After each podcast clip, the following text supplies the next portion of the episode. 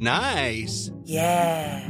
What you're hearing are the sounds of people everywhere putting on Bombas socks, underwear, and t-shirts made from absurdly soft materials that feel like plush clouds. Yeah, that plush. And the best part? For every item you purchase, Bombas donates another to someone facing homelessness. Bombas. Big comfort for everyone. Go to bombas.com slash ACAST and use code ACAST for 20% off your first purchase. That's bombas.com slash ACAST. Code ACAST. Millions of people have lost weight with personalized plans from Noom. Like Evan, who can't stand salads and still lost 50 pounds.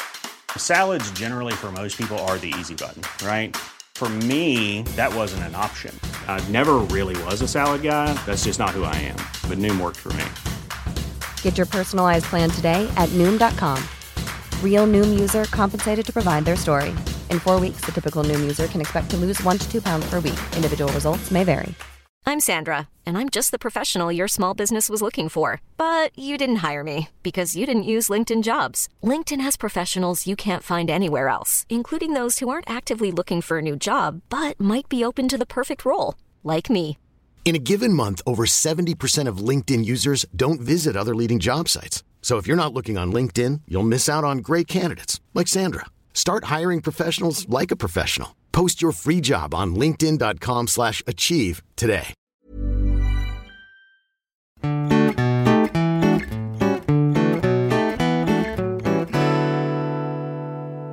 Hej och välkommen till Mord i mina tankar.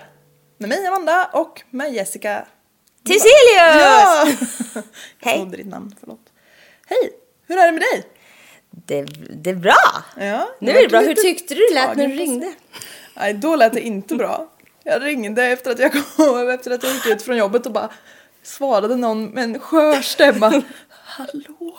jag tänkte så här, kände att jag inte mådde helt bra. och så tänkte jag, äh, jag tar bara ett djupt andetag och så svarar jag glatt här nu. Och så tog jag ett djupt andetag och så svarade jag.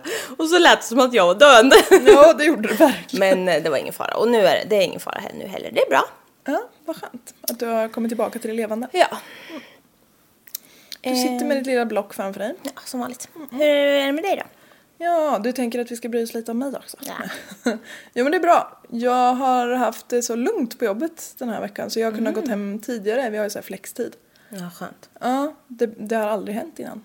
Nej. Jag har haft, allting har bara klaffat den här veckan så jag har kunnat gå hem vid typ tre. Ja, vad skönt. Ja, jätteskönt. Det hade varit extra toppenbra om det hade varit vårigt ute. Ja, fy fan alltså. Jag gick ju ut förut. Nej men alltså, det blåste så mycket här nere på taket. Alltså jag... Alltså jag såg inte vart jag gick. Nej. För jag kunde inte ha ögonen öppna. Det blåser och snöar och nu är det totalt grått. Ja, det här var ju inte jättepeppigt alltså. Nej. Ja. Eh, ja, nej men jag... Jag var ju lite hård mot dig i veckan. Jag satte press på dig. Ja. Det funkade ju. Ja. Eller ja, det har du inte sett än. Jag kanske har ett pissdåligt avsnitt. ja, men du är ändå här. Ja. Någonting Du kommer är nog lägga ändå ut. här. Ja. För det brukar vara problemet att få hit mig. Nej, men du behöver ju kanske lite mer spark i röven än vad jag behöver. Ja, Men det måste man ju, det får du ju bara stå för. ja det kan jag. Jag är en sån, sån person. Ja, Så jag prokrastinerar gör du. Ja, det gör jag. Ja, men det gick ju bra. Ja, när jag väl gör någonting så går jag gör det ju väldigt snabbt. Ja, och bra brukar det bli. Ja. Ja. Men eh, det, sjuk, det, det jag skulle säga förut då. Mm. Jag är ju en människa som äter åtta gånger per dag. Mm. Ibland, inte sällan, så hinner jag med tre lagade målmat på en dag. Ja. I tisdags glömde jag bort att äta middag. Ja. Alltså Kalle försade sig lite om det. Men alltså du skrek ju rakt ut. Ja. För du gjorde ju det senast igår, typ. ja. Ja, jag är dålig på det. Ja. Men jag är inte så känslig heller. Nej, men alltså kan du tänka dig hur... Jag bara kände, va, vem är jag ens? När jag ligger i sängen och bara inser, jag har glömt att äta middag idag. Ja. Men då var det antagligen inte så viktigt. Alltså jag hade ätit kaka och morotskaka. Men ändå. Du har ju kommit in i lite av ett bakmode. Ja, men det är för att jag firar mig själv hela tiden. Ja, men det är väl bra. Jag har ju fyllt år i ja, måndags. just det. Säg vad du fick tre. i födelsedagspresent. Jag fick en jättefin vas av dig Ja. och en målarbok med serial killers. Ja. Den är så rolig. Ja, och sen har jag nu har jag alltså färska blombuketter i typ alla rum. Ja. Himla trevligt. Nej men alltså jag har så mycket färska blommor. Alltså fy fan vad trevligt det är. Ja.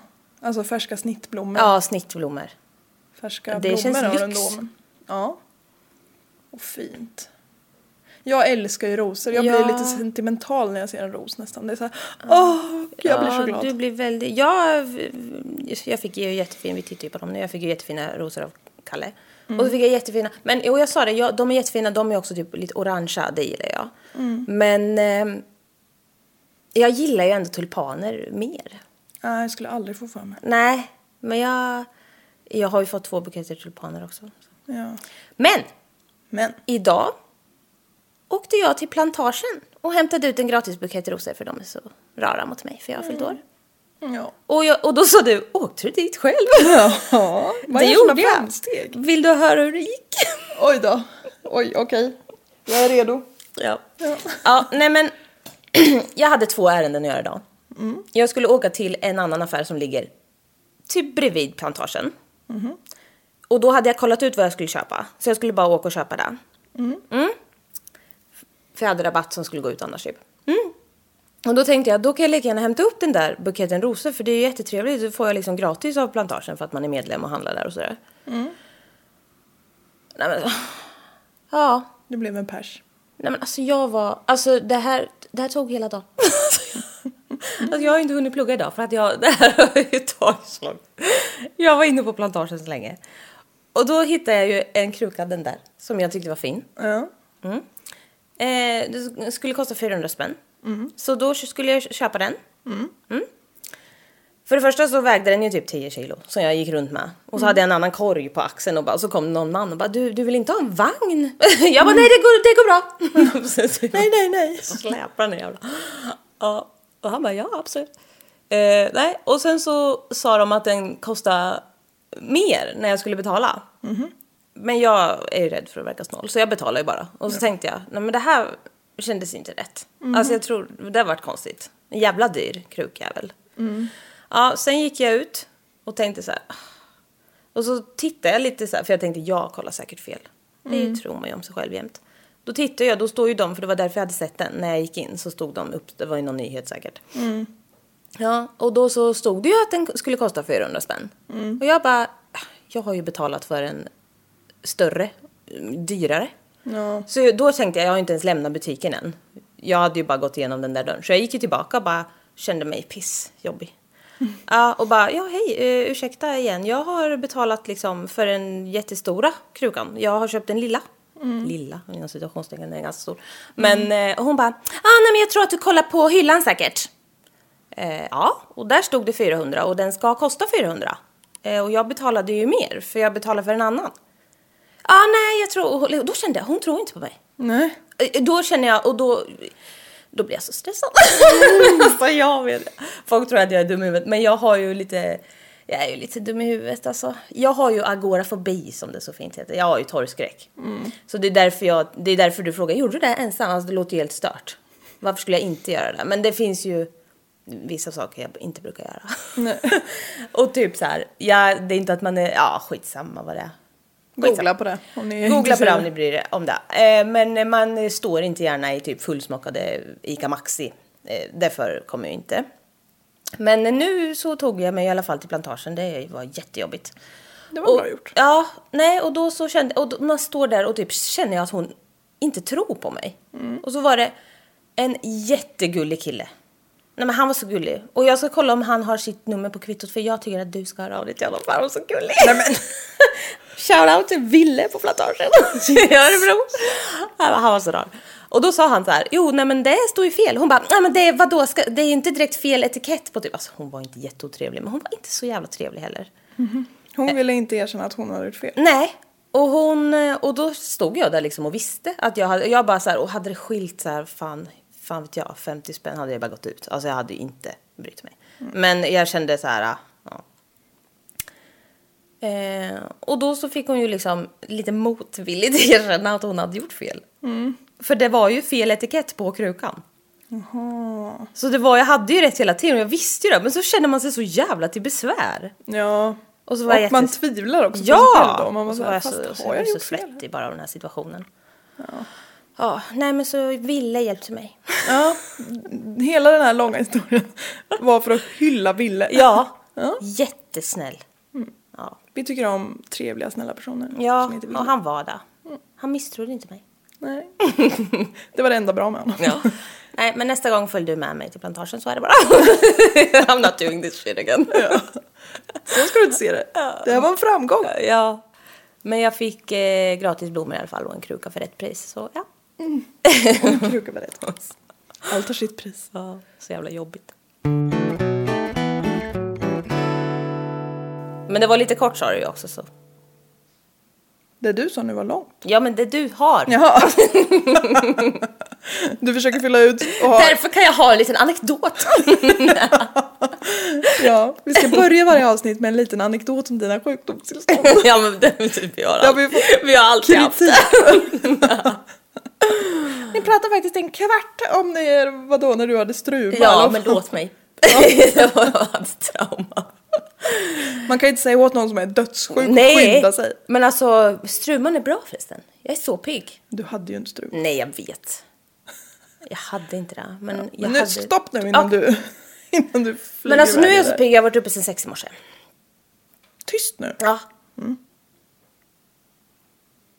Jag eh, har gjort det otroligt svårt för mig själv här. Ah. Rent uttalsmässigt. Ja, För idag är vi inte i USA. vi är i Frankrike. Vi är inte i Frankrike. Vi är Vi- inte i Kanada. Vi är i Ryssland. Vi är inte i Ryssland. Utan vi är i Thailand. Okej. Jag är inte jättebra på thailändska namn. De har för mitt småsinta västerländska öga väldigt svåra. Men vi, vi, jag tror på dig.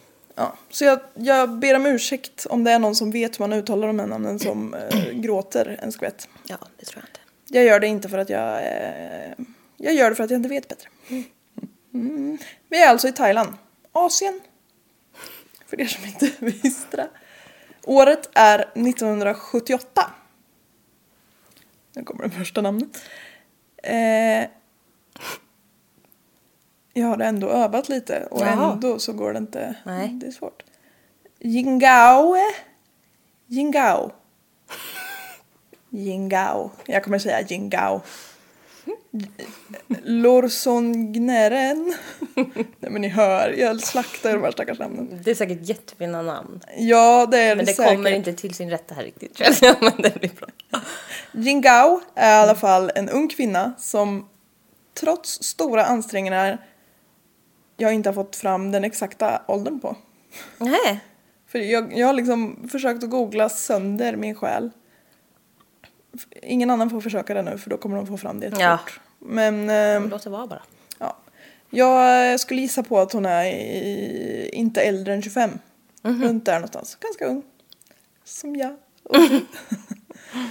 Hon arbetar i alla fall som hushållerska och barnflicka åt Vishai och Jitra. Eh, Det här är ett efternamn jag inte tänker ta ens en gång. Sri Jaren Ukoying. Hon gjorde det ändå. Ja, jag vet. Jag är- jag är lite wild and crazy sådär. Men det är också enda gången jag har skrivit upp det där namnet så mm, nu får ni lägga det på minnet. Vishai och Jintra ägde och drev en populär restaurang som hette vad gör jag så här? Sombun Pashana. Som låg i Bangkok. Och om jag har fattat rätt så är det här en lite finare restaurang som ligger liksom i ett av Bangkoks lite finare områden så att säga. Så de har ganska mycket pengar de här eh, Vishai och Jintra. De har också tillsammans en sex år gammal son. Och hans, av liksom respekt för att han är ett litet barn så har de inte skrivit namnet på honom. Så jag tänker kalla honom för Rama. Det heter tydligen kungar och det tyckte jag var lite gulligt. Så okej. Det funkar. Eh, Rama och Jingao, jag kommer uttala hennes namn olika varje gång, så just follow. Eh, de två hade kommit varandra jättenära, för hon var ju nanny till honom. Men hon, Jingao kom inte alls bra överens med hans föräldrar. Så trots att hon liksom inte gillade de här föräldrarna så blev hon väldigt ledsen när hon blev uppsagd. Eftersom hon hade fått en så nära relation med Rama. Och de tyckte jättemycket om varandra. Och eh, som salt i stackars Shingaos sår så låg de efter med hennes lön, föräldrarna. Och när hon hade blivit avskedad då så gjorde de det väldigt tydligt att vi tänker inte betala någon liksom innestående lön här som du har. Ja, lite taskigt kan man Och tycka. de hade pengar.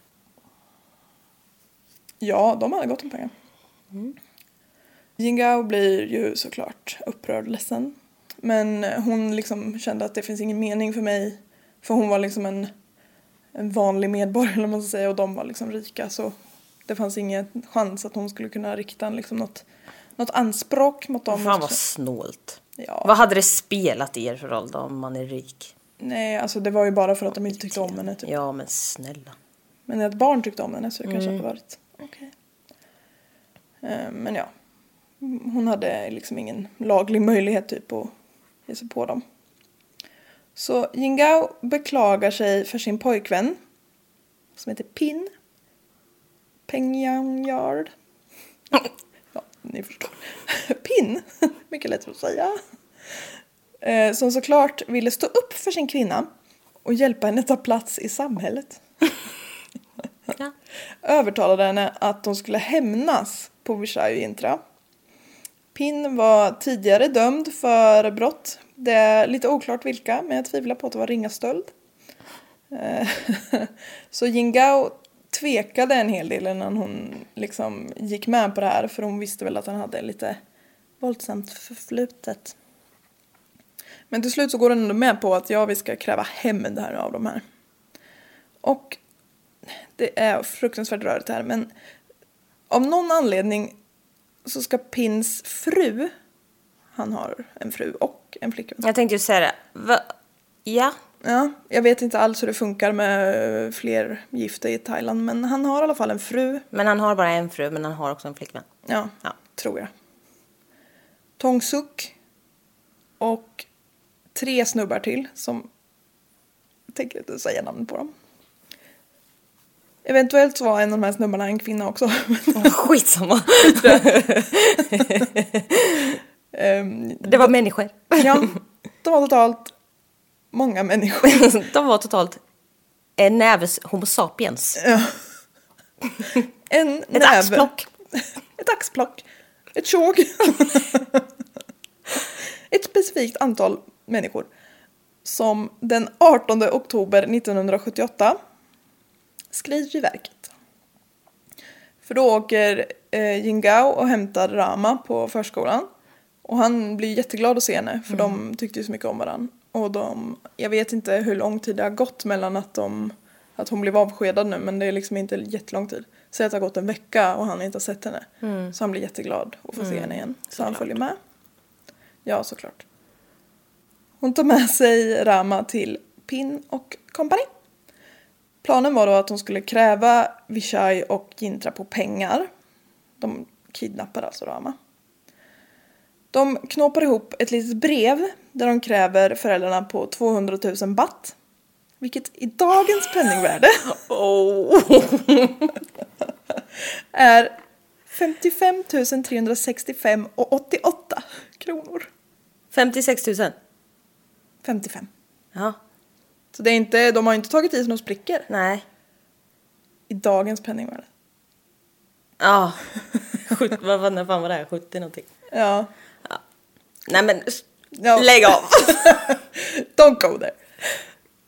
Men enligt det här brevet i alla fall så ska Vichai och Jintra lägga pengarna i en papperspåse, kliva på ett eh, specifikt kvällståg och kasta ut den här påsen med pengarna när de ser en flagga som kidnapparna har satt ut bredvid spåret. För att liksom X marks the spot. Så. Vichai och Jintra samlar ihop de här pengarna och lägger dem i en papperspåse och kliver på tåget. Och de har också med sig polisen för de har informerat polisen. Och polisen har väl så här, ja vi gör det här så tar vi fast dem när vi, när vi gör själva akten typ, när vi får tillbaka barnet. Mm. Han är bara sex år, om jag inte så det. Eh, Jingao och Pin with the crew. De satt dolda intill spåret med Rama och väntade. När de såg tåget komma så gjorde de sig redo för att löpa efter de här pengarna. Men det kom inte någon påse. Tåget svischade förbi och lämnade kidnapparna tomhänta. De var då övertygade om att Vishaj och Jintra hade kopplat in polisen och blivit avrådda från att samarbeta med kidnappare. Så var det dock inte. För Vishaj och Jintra kunde mycket väl tänka sig att betala 55 000 för att få tillbaka sitt barn. Men kidnapparna hade valt ett kvällståg och det var mörkt ute. Så de kunde inte se flaggan. Nej, lägg av. Nej, eller hur? Man blev bara så... Åh. Så de var på tåget, de hade tänkt kasta ut pengarna men de såg inte vart flaggan var. Så de kunde inte kasta ut dem på rätt plats. Fatta paniken som förälder. Men hur tåget- fan, varför var de tvungna att göra sådär? Varför kunde de inte bara säga lämna de här? Varför var de tvungna att spexa till det som på någon jävla törr film? Jag vet inte. Jätteonödigt. Ja, superonödigt. Och i en papperspåse, alltså så här, så jävla dumt Ja. allting. ja. Men fatta liksom paniken som förälder när man sätter sig på det här tåget. Inser, jag visste inte ett fucking skit. Ja. Och sen liksom åker det och kommer tillbaka till station. Och så har de inte kastat påsen. För att de bara såg inte vart. Men fy fan. Ja, det var så hemskt. Men alltså, vad trodde de andra? Ja, jag vet inte, de har ju helt klart inte tänkt till. Nej. Det är ju inte liksom Bangkoks värsta... Vassaste. Nej, precis. Inte Bangkoks vassaste. Det låter som en konstig film. Men ehm, den här Pin då, han var ju helt övertygad om att och Intra inte hade tagit dem på allvar och att de liksom hade trotsat dem nu. Och då var man ju tvungen att visa att man menar allvar som Det kidnappare. gör man inte om det är ett barn som står på spel. Nej. Men okej. Rama då ligger ihopkrupen och sover bredvid Jingao.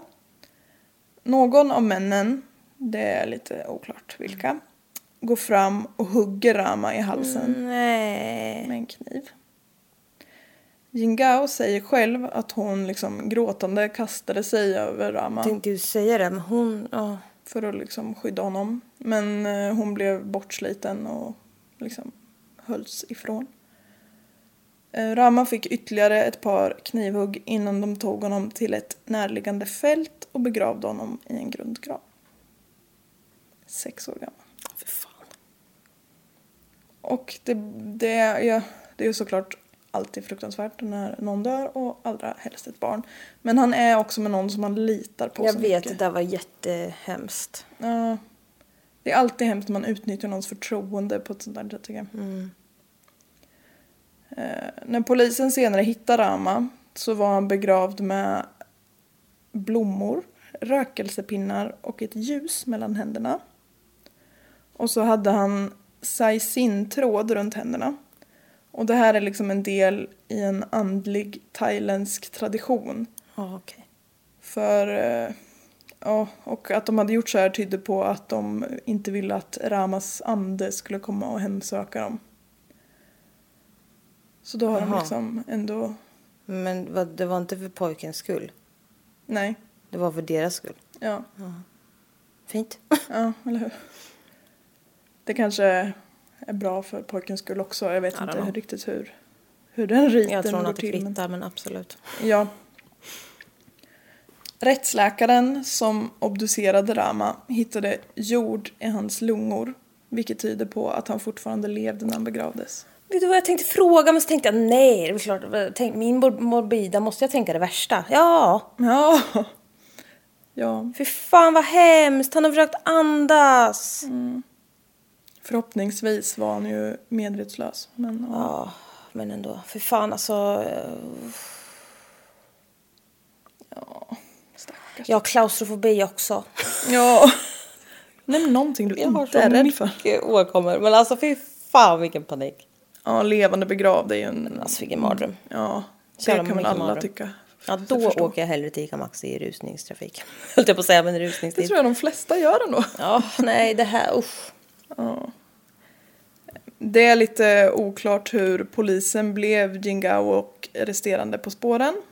De är inte jätteduktiga på att läcka ut, eller läcka ut men Thailand är ju en, är det en diktatur? De har i alla fall inte superbra rättssamhälle. Nej. Och eh, så det är lite oklart hur polisen blev de här på spåren. Men Alltså jag har fördomar som typ säger att man blir skjuten om man går ut i Bangkok. det finns ju sådana fördomar ja. Jag har aldrig varit i Thailand. Inte jag heller, jag vill aldrig åka dit heller. Nej, man har hört mycket Känner jag. hemskt. Jag eller så här, nej, det lockar inte mig. Nej. Nej. Det är som sagt lite oklart hur polisen blev varse om Jingao och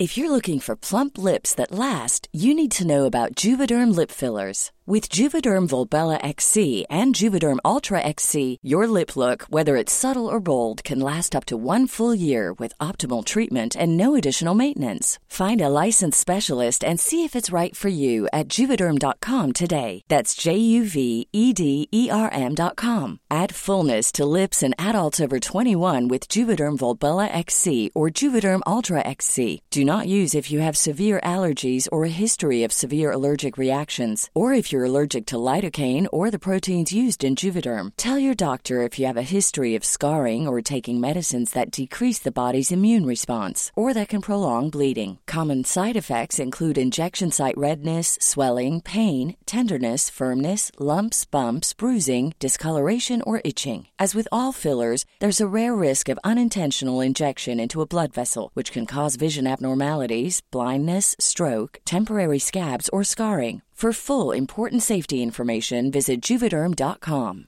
Many of us have those stubborn pounds that seem impossible to lose, no matter how good we eat or how hard we work out. My solution is PlushCare. PlushCare is a leading telehealth provider with doctors who are there for you day and night to partner with you in your weight loss journey. They can prescribe FDA-approved weight loss medications like Wagovi and Zepbound for those who qualify. Plus, they accept most insurance plans. To get started, visit plushcare.com slash weight loss. That's plushcare.com slash weight loss. company. Men, alltså, de, jag måste bara fråga, de åkte bara med tåget hit och dit. Sen bara, jaha, nej, Hit och dit. runt och hem. Föräldrarna? Polisen. Ja, ja, det antar jag. Eller, ja. Sen bara, jaha, inget mer med det. Nej, då får vi gå hem pojkar. Det blev inget mer. Men, så de, men de vet ju ändå att ett barn är borta. Ja, Då, ja. det finns lite eh, luckor i historien men det, då, då får du blunda för. ja, ja, ja. Det är lite oklart hur polisen blev varse om att Jingao och de var inblandade. Men eh, det känns inte jättekonstigt att man kollar upp nannyn som nyss blev avskedad. nej, precis. Jag tänkte ju säga det. De hämtade, han- blev han inte hämtad på förskola? Jo, Jo, då vet ju de vem som hämtar. ja, Personalen. ja antagligen. Ja. Och ja, och de har bråkat om lön och hon har en kriminell pojkvän. Ja. Alltså varför skulle de inte titta på henne? ja. Så ja. Men hela den här skaran på sex personer eller vad det var, de blir i alla fall gripna. Och det blir kaos i media. Jaha. Ja. Det kommer ut, typ, för det är ju, det är ju två rika personers barn som har liksom Mm, Då mördats. spelar det ju såklart mer roll. Ja. Men det blir fullständigt kaos och det kommer ut alla möjliga olika scenarion om, om hur det här mordet skulle gå till. Och det är både motsägelsefullt och överdrivet och ja men alltså det är fullständigt. Alla rykten liksom publiceras som sanningar. Och alla ville ha scoop. Ha? Alla ville ha scoop.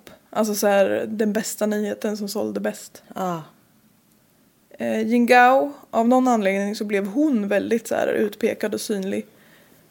De skrev till exempel att någon av männen hade knivhuggit Rama men att Jingao tyckte att det hade gått för lång tid så att hon skulle ha vridit nacken av pojken. Nej. Så att när polisen hittar, alltså det här är alltså inte sant. men- Nej. Så att i tidningen så stod det liksom att ja, när polisen hittade honom så låg han på mage men med ansiktet uppåt. Men typ. alltså vad fan är det för fel på folk? Nej, jag, alltså det låter ju bara... Säger vi som har en mordpodd. Men ja. Nej men alltså, ursäkta. Men alltså vem hittar på såna här saker om ett dött barn? ja, jag vet. Det är, Ursäkta. Ja det här kan vara en smak, smaklös eh, tillställning. Men det där är fan värre. Ja. vi hittar inte på saker om döda barn. Nej, vi säger bara sanningen. Vad vi tror är sant. Allt vi säger är sant. Ja. Följ våra ord, de är lag. En annan tidning skrev att Pin hade tvingat Jingao att hugga Rama genom att liksom ta tag i hennes hand och så här. Force. ja. Jag har skrivit att han tvingade henne att hugga genom att hålla hennes hand. Nej, men. Jag fick inte riktigt fram Nej, det var ju lite... budskapet. Vi förstår. Ja. Jag Jing- pratar för... Va? Jag pratar för mig själv och alla andra. Ja, skönt. Jingao säger i alla fall att det var Pin som högg och att hon inte kunde göra någonting för att stoppa det, även om hon försökte. Den jag undrar en sak. ja, Är hon fortfarande tillsammans med honom efter det här? Det kommer du att få reda på. Okej. Den 12 januari 1979 klockan åtta på kvällen så beslutar premiärminister Tai Nin genom en så kallad summary order jag vet inte alls om man översätter det på svenska men att Jingao Pin och en av de tre andra männen ska avrättas. Oj. En sån här, ett sånt här beslut innebär att straffen kommer verkställas utan att det blir någon rättegång innan. Satan! Men hon också? Ja. Varför? Hon har väl fått, det är hon som har exploaterats mest i media så det är väl så här. Allmänheten tycker att hon är skyldig. Typ. Den tredje mannen fick eh, livstid i fängelse och Pings fru där, Tong Sunk.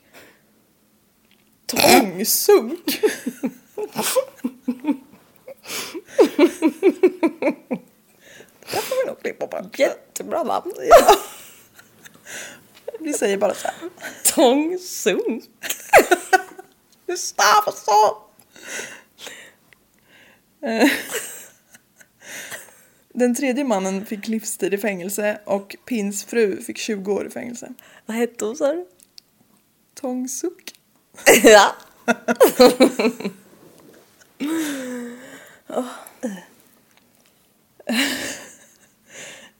Jingao skulle bli den första kvinnan på 30 år att avrättas genom arkebusering. Uff. Så jag älskar ordet, det är så Ja. mustigt. Och grovt. Mm, ja. Och fruktansvärt alltså för all del. Men. I Thailand på den här tiden så genomförde man avrättningar genom att binda fast den som skulle avrättas. Stående vid ett träkors med händerna bundna liksom lite snett framför ansiktet i böneposition så. Jaha, oj. Ja. Ovanpå den här liggande delen av korset. Så man typ lite så här halvhänger på armarna. Aha. Jag visar för Jessica hur man ser ut nu. Men vad, ja. Lite brutalt. Ja, men det är också någon så här religiös liten, liten inspark. Nej, nej! En religiös liten eh, inblandad. Mm.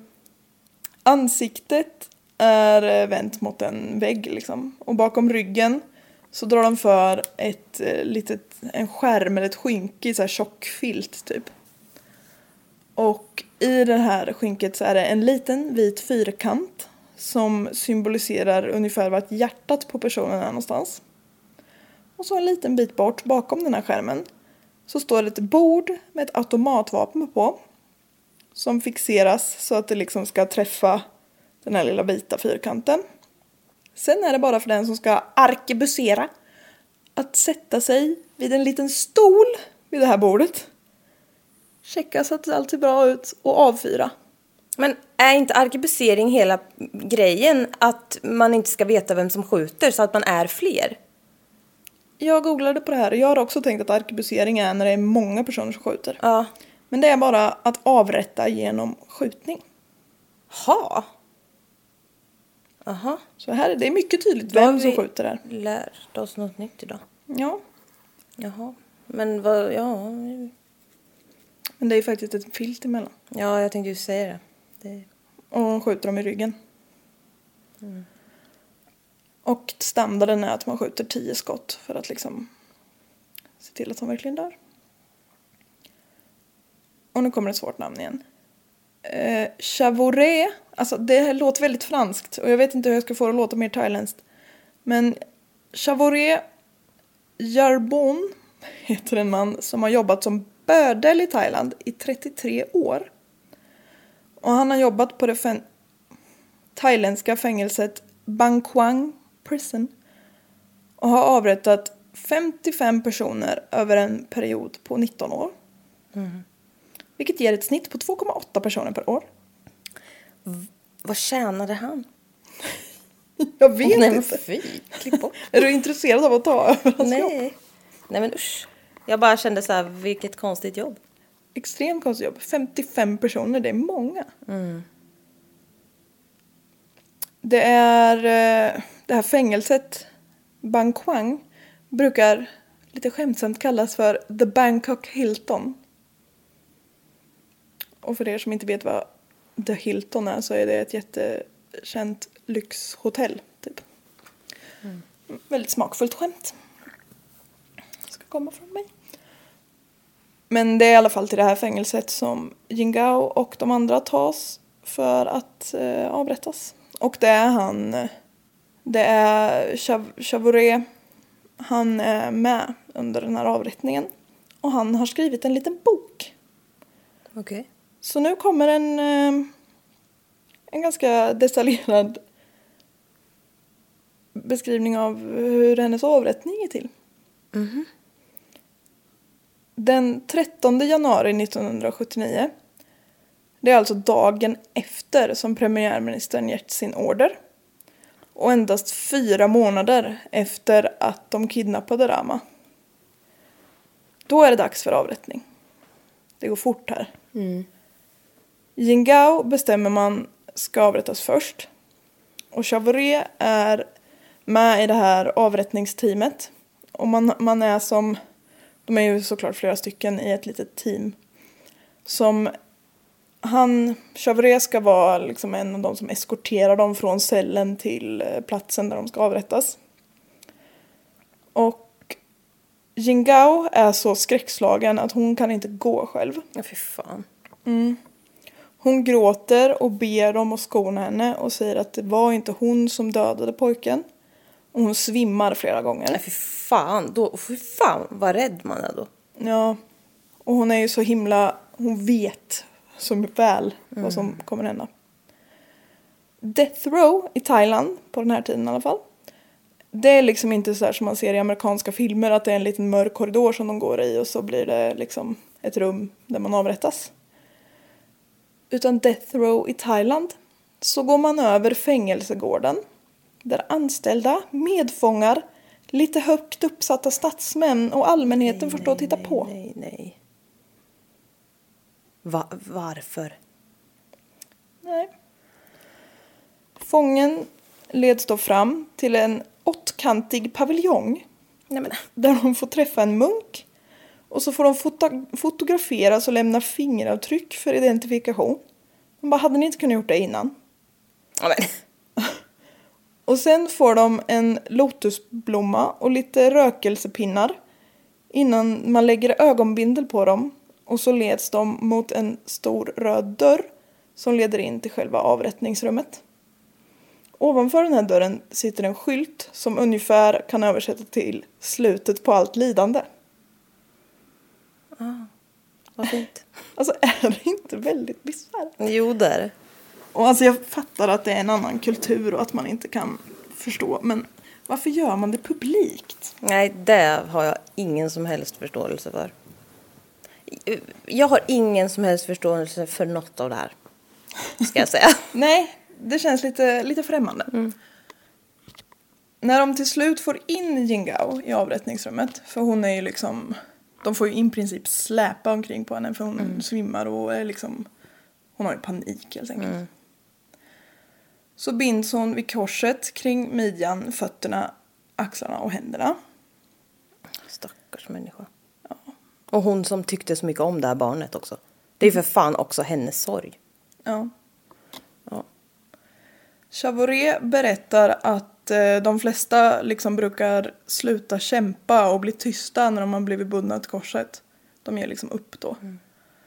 Men det gjorde inte Jingao utan hon krängde och grät och bönade och slet liksom hela tiden.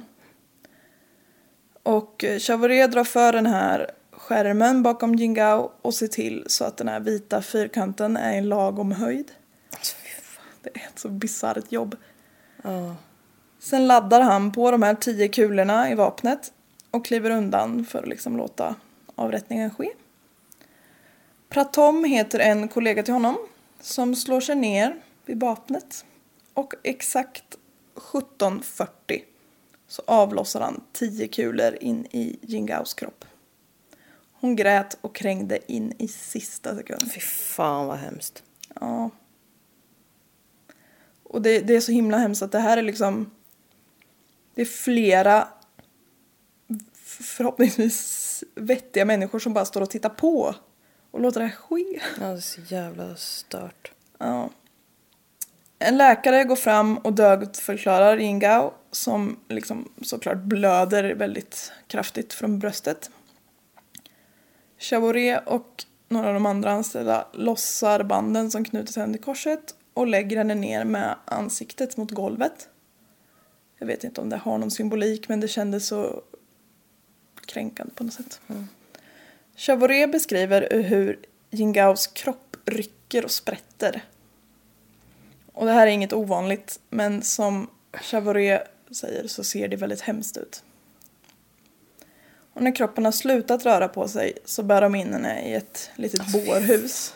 det är så himla bisarrt. Ja, Som ligger precis bredvid det här avrättningsrummet. ja smidigt. Mm, ja. Funktionalitet, du vet. Sen är det dags för en av de här männen att avrättas. När han leds in i rummet så hörs det ett märkligt ljud ifrån bårhuset. Nej! Chavoret står precis så att han ser rätt in i bårhuset.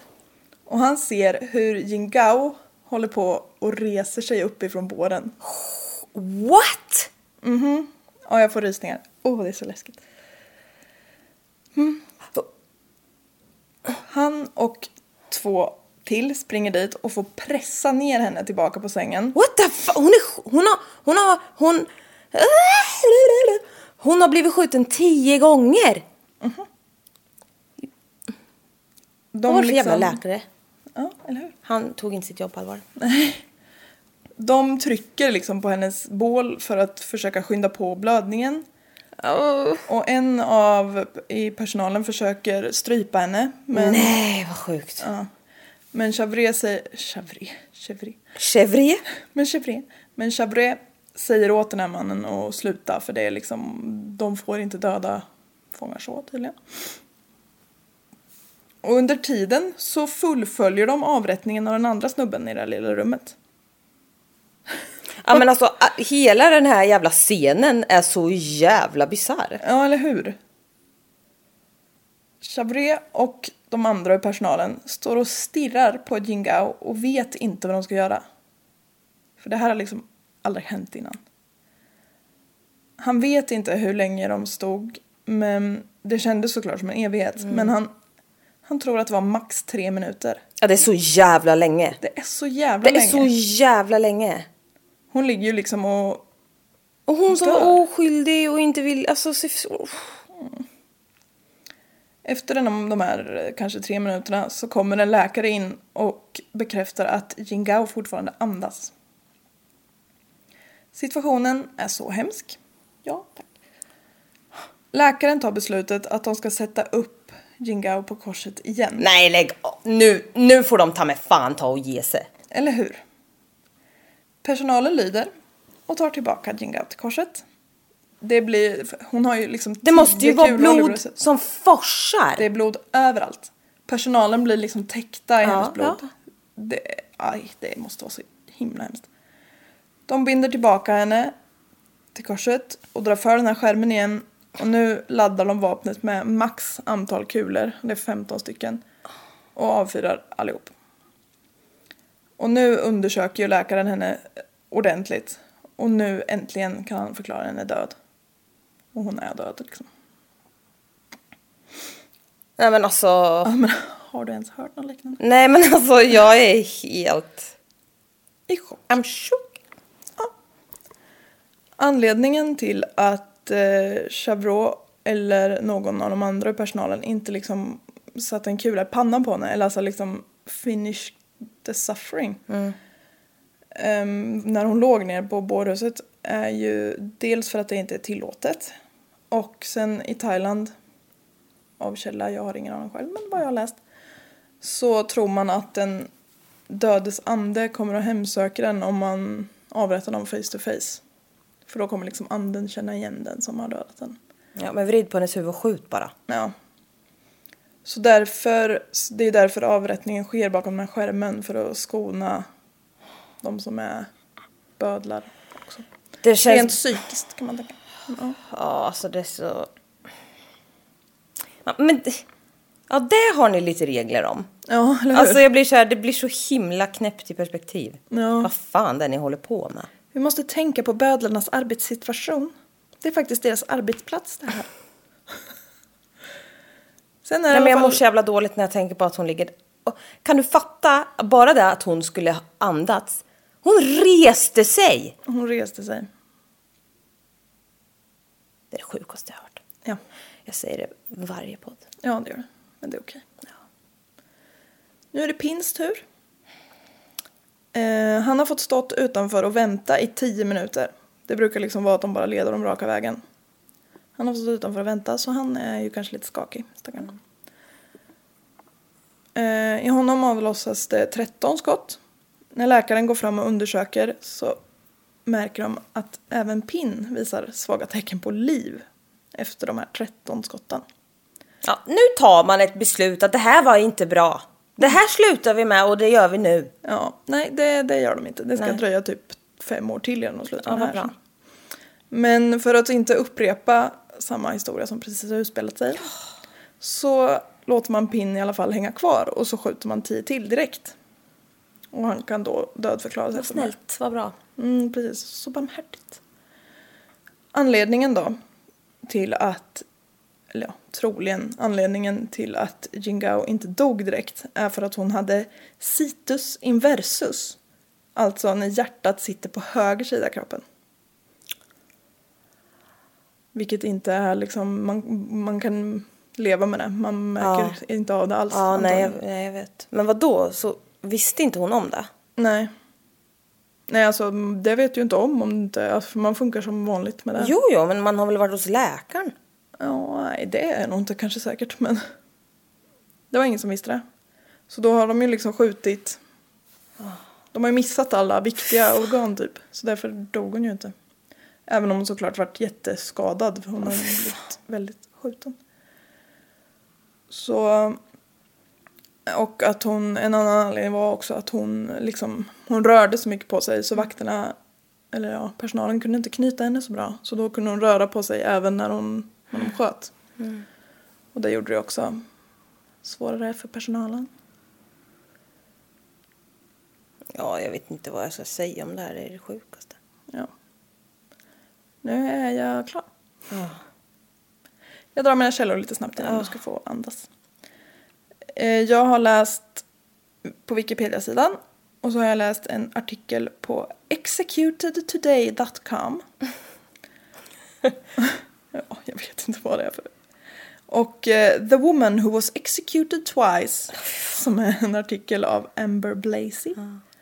Och så finns den här fångvakt, eller ja, vad säger man, Bödens bok finns på engelska så jag läste ett litet utdrag ur den också. Himla intressant och fruktansvärt. Ja, det där var riktigt jävla hemskt. Ja, eller hur? Och det är... Men de kan ju inte bara bestämma. De har ju inte bevis på att hon gjorde någonting ens. Nej. Nej, alltså det är i den här rättsordningen så funkar det så att säger premiärministern, det är alltså som typ våran, alltså Stefan Löfven. Han har makt att säga att vi avrättar de här nu, punkt. Steffe L. Steffe kommer och säger död. Skulle Steffe aldrig göra.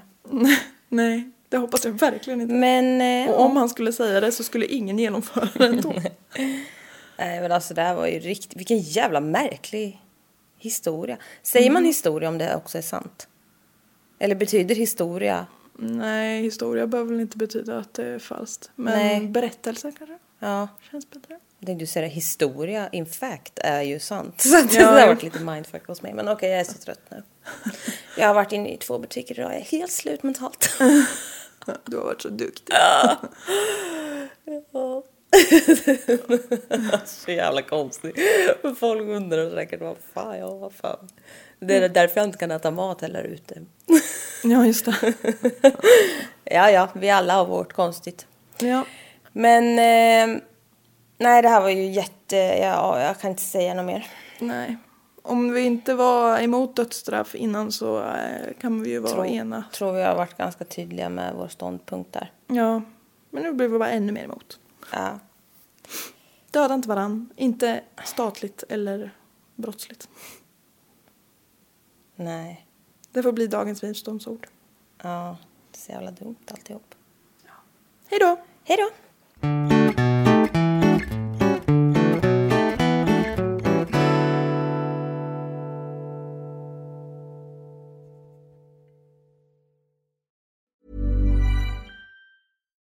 When we're on a budget, we still deserve nice things.